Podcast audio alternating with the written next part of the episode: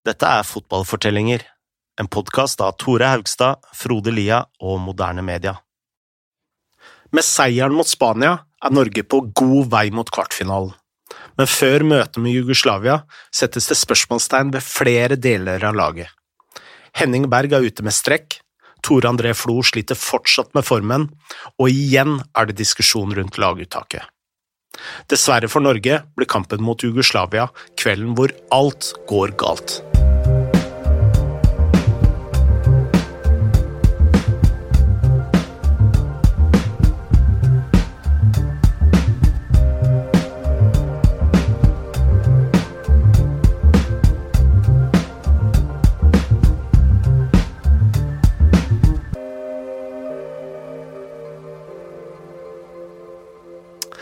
Var eh, egentlig aldri meningen at eh, de norske spillerne skulle feire Spania-seieren eh, noe særlig. Sem hadde innført portforbud, og fra og med klokken ti på kvelden måtte alle spillerne være inne på sine rom. Og det så spillerne ut til å holde, men senere skulle det komme frem at noen av dem hadde brutt forbudet med ganske god margin. Mm. Boka Landslaget hevder at flere var på fest like etter Spania-seieren, og at denne varte til klokka fem på natta, uten at Sem fikk vite noen ting.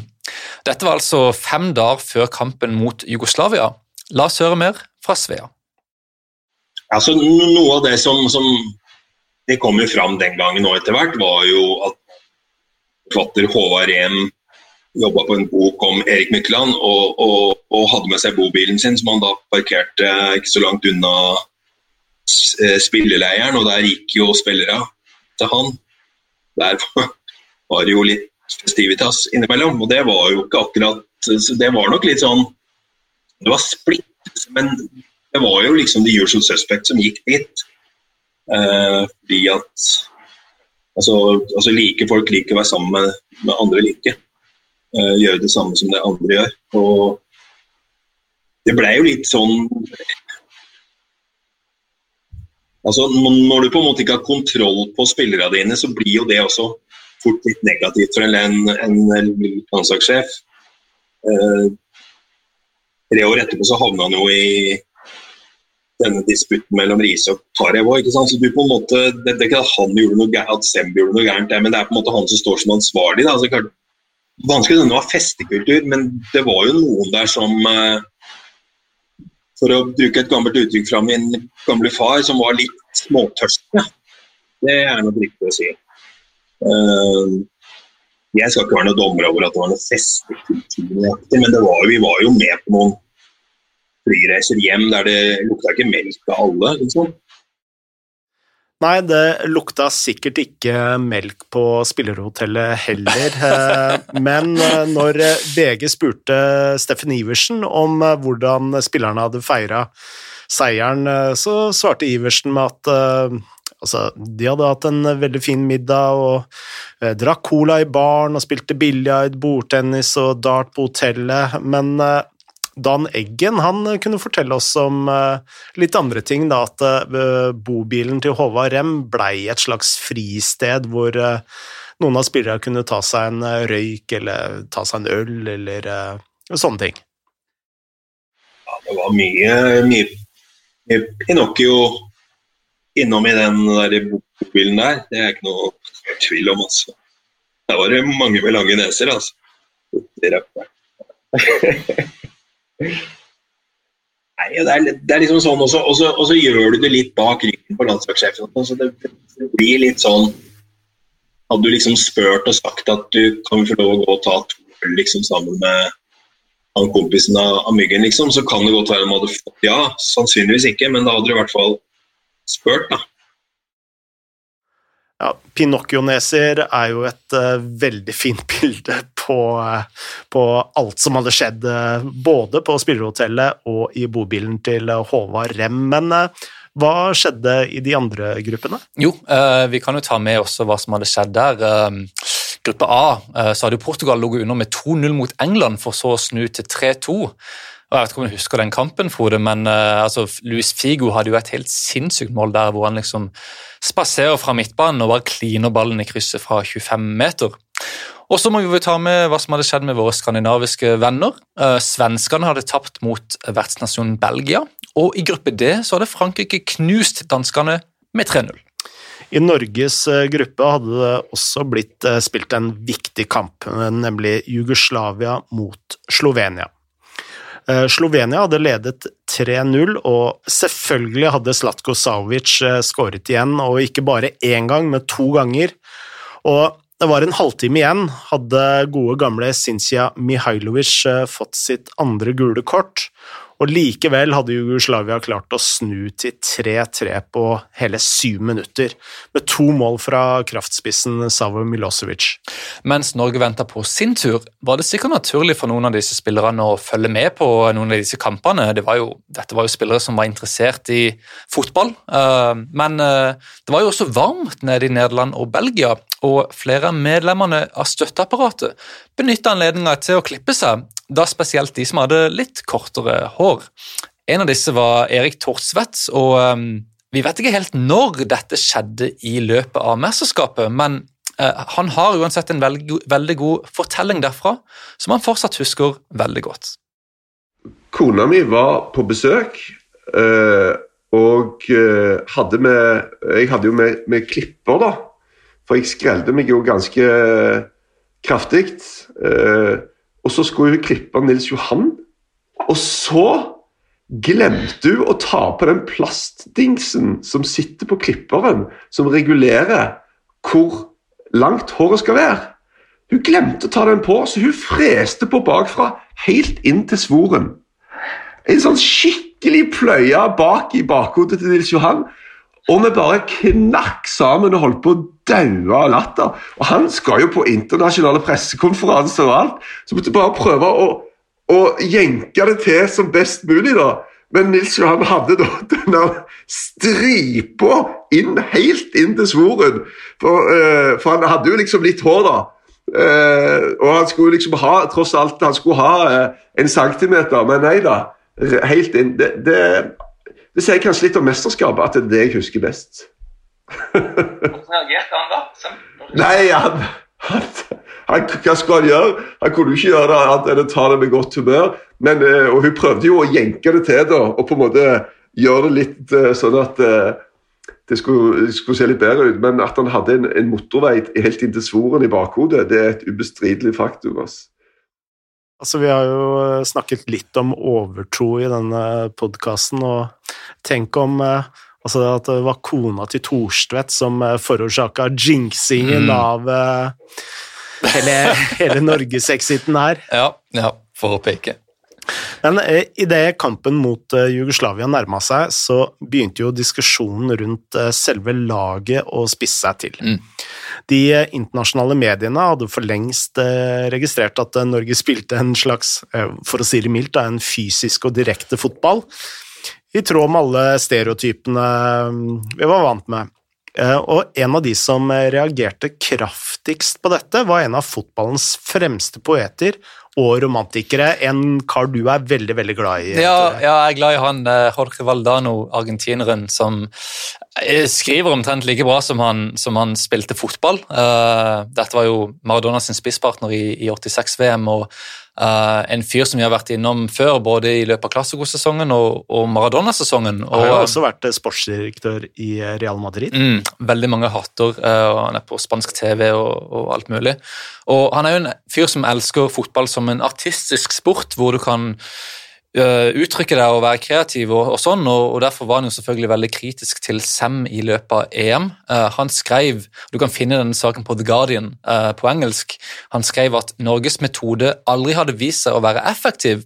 og Han sørga nå over at det fantes så mange spillere som f.eks. Toran Reflo i EM, uh, altså store spisser som, som man bare kunne slå langt på. Valdano ramset opp flere slike typer spisser. Blant annet Tyskland hadde Oliver Bierhoff, Sverige hadde Kenneth Andersson, Tyrkia hadde Hakan Sukur, og Tsjekkia hadde kanskje den største av de alle, Jan Koller. Han vel, var vel mer enn to meter, tror jeg, Koller. Ja, og når jeg mener størst, så mener jeg i fysisk størrelse. Og dette var nå en ganske urettferdig kritikk eh, av Flo, fordi for det første så var han jo eh, langt mer enn en høy targetmann. Han var jo fantastisk teknisk og hadde et eh, vanvittig driv med ballen, skåra en del fantastiske mål. Mm. og men eh, Valdano han ga seg ikke på den eh, kritikken, for han eh, hadde en generell regel som, som sa, som du sikkert har hørt tidligere, altså desto mindre intelligens på midtbanen, desto flere centimeter på topp. Og jeg må vel tro at Myggen blant flere hadde noe å si om akkurat den kritikken kritikken Ja, absolutt. Uansett altså, var det jo mye diskusjon igjen rundt laget eh, før kampen. Eh, og igjen var Flo i søkelyset, men av litt andre grunner enn det Valdano hadde. Um, måltørken hadde fortsatt mot Spania, og spørsmålet var jo ennå om, om han skulle fortsette på topp når Norge hadde tre andre spisser som, som kunne passe denne rollen. Selv hadde Flo sagt at han hadde hatt det tøft mot Spania, han var sliten, eh, og han hadde følt seg mer som en førsteforsvarer enn en angriper. Dette var jo et eh, fair poeng fra Flo sin side. Sem eh, sa at eh, Norge satsa på dødballer og kontringer, og- det er jo ikke lett for en alenespiss å jage ballsikre spanjoler i eh, 90 minutter i sommervarmen. Altså, du spiller i realiteten alene mot fem spillere. Altså, du har På den tida så var jo kanskje ikke keeperne så involvert, men du har jo hele forsvarsfireren, og så har du en dyp midtbanespiller, og så kommer det noen indreløper ned og skal plukke opp ballen, og du er stort sett helt alene. Ja. Så eh, da er det jo ikke lett. Og, men eh, den som var mest kritisk til Sams Sems eh, spillestil, var kanskje Myggen. Og han var jo en artist som trivdes med med ballen på, på lik linje med Valdano. Og han hadde et veldig bra sitat i det, dette mesterskapet. For da Myggen ble spurt om Norges spillestil, eh, svarte han eh, helt enkelt at eh, fotball får jeg spille på klubblaget. Ja. det sier egentlig litt om hva Myggen syns om, om spillestilen til Sam. Men hva med Jugoslavia? De må vi jo også nevne her. Og dette var ikke et lag som du kunne undervurdere på noe som helst vis. Treneren var Vujadim Boskov, som kanskje ikke er sånn superkjent navn, men altså, dette var en fyr som hadde trent Real Madrid. Uh, han hadde tatt Sampdoria til en sensasjonell seriatittel i 1991.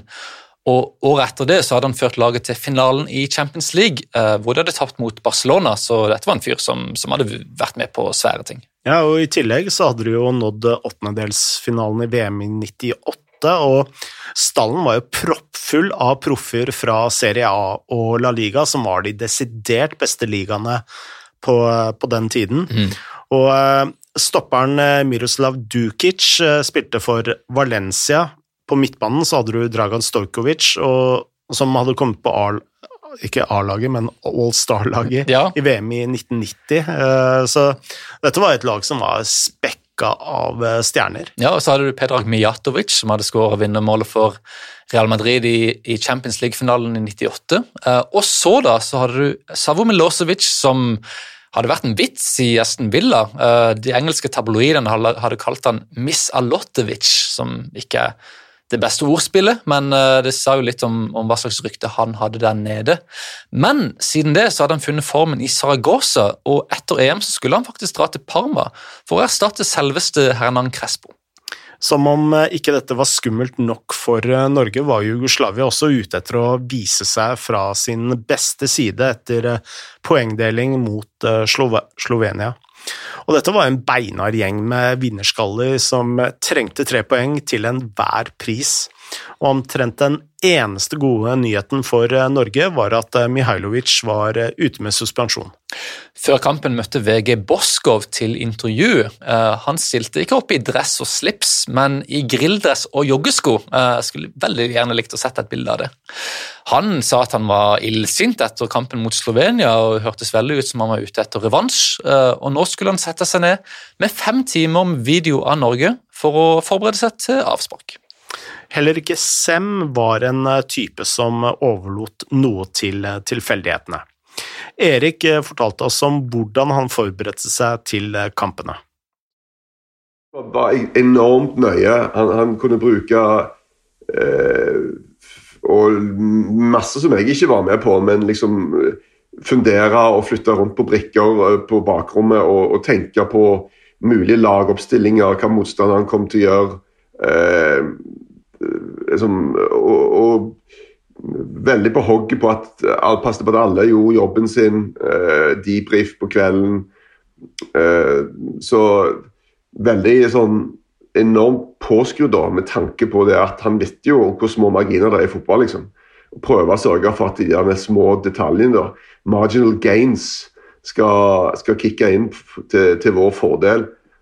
Uh, så uh, Men det, det gjør seg jo òg utslag i uh, at han kan se på Luxembourg som en stor trussel, f.eks. Om ikke i EM, så i hvert fall i en, en kvalik. Uh, og det er fair, det, altså. Uh, men uh, noen uh, syns jo kanskje det er litt underholdende at han alltid snakker om motstanderen litt i forhold til hvor gode de er. Jugoslavia hadde vel en sånn Mihailovic eller et eller annet som var så jæklig dødballfot. Så jeg husker det var liksom en kilde til bekymring. Men jeg tror ikke han spilte mot Norge engang. Jeg tror det var et eller annet at han var suspendert eller et eller annet. da. Så Eh, men det er klart at da ser jo Nils Johan at ja, men han er litt def sus suspekt defensivt, så det hadde jo kanskje vært bedre om han spilte likevel, da. Så det er liksom, Han, han gnurer så mye, han, han, tenker så mye, han, han går sånn inn i det. Da Norges lagoppstilling var klar, hadde Sam gjort én endring. Henning Berg var ute med strekk, så inn kom Dan Eggen. Ellers var laget som mot Spania. Vi har snakket med Dan Eggen om hvor selvsikre spillerne følte seg idet kampen kom i gang. Han sa at det i hvert fall ikke manglet på selvtilliten. Altså, det blir jo veldig fra min egen del, fordi jeg kom jo inn i tropp og alt mulig sånn litt seint. Og spilte litt mot Spania. Det var vi jo veldig glad for. Helt supert. Og så blir du litt fort optimist og tror høyere og bedre om deg selv, og det tror jeg vi gjorde. Eh, og at vi hadde litt sånn i overkant eh, forventninger inn mot match. Og så ble det jo liksom en slåsskamp som vi ikke helt uh, forutse eller eh, forutså, eller hadde liksom var gode på.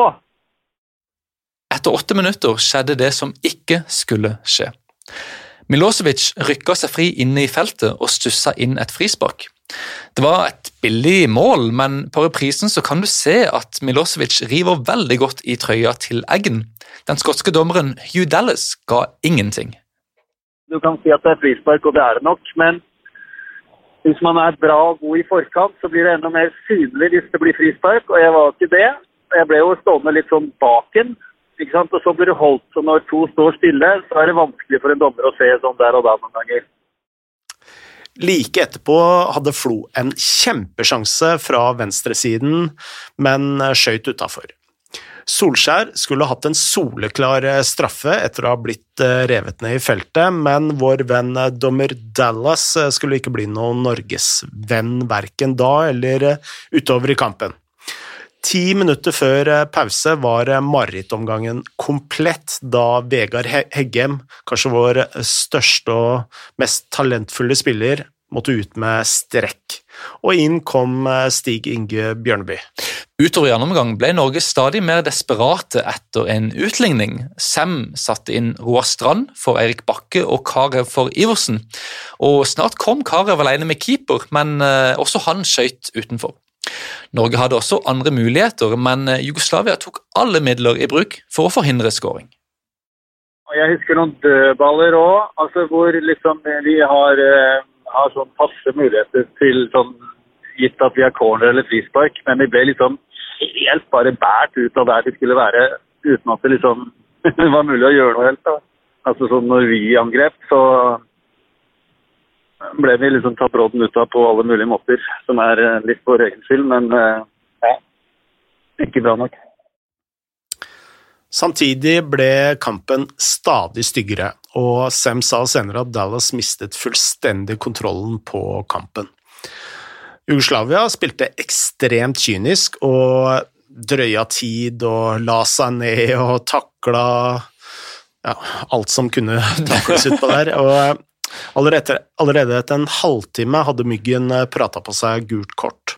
Og da Myggen fortsatte å kjefte, hadde Dallas beveget hånden mot brystlomma og spurt Myggen «Do you want some more?» Mot slutten av kampen brakk Iversen faktisk nesa også, uh, i en duell med keeperen Ivica Kyle.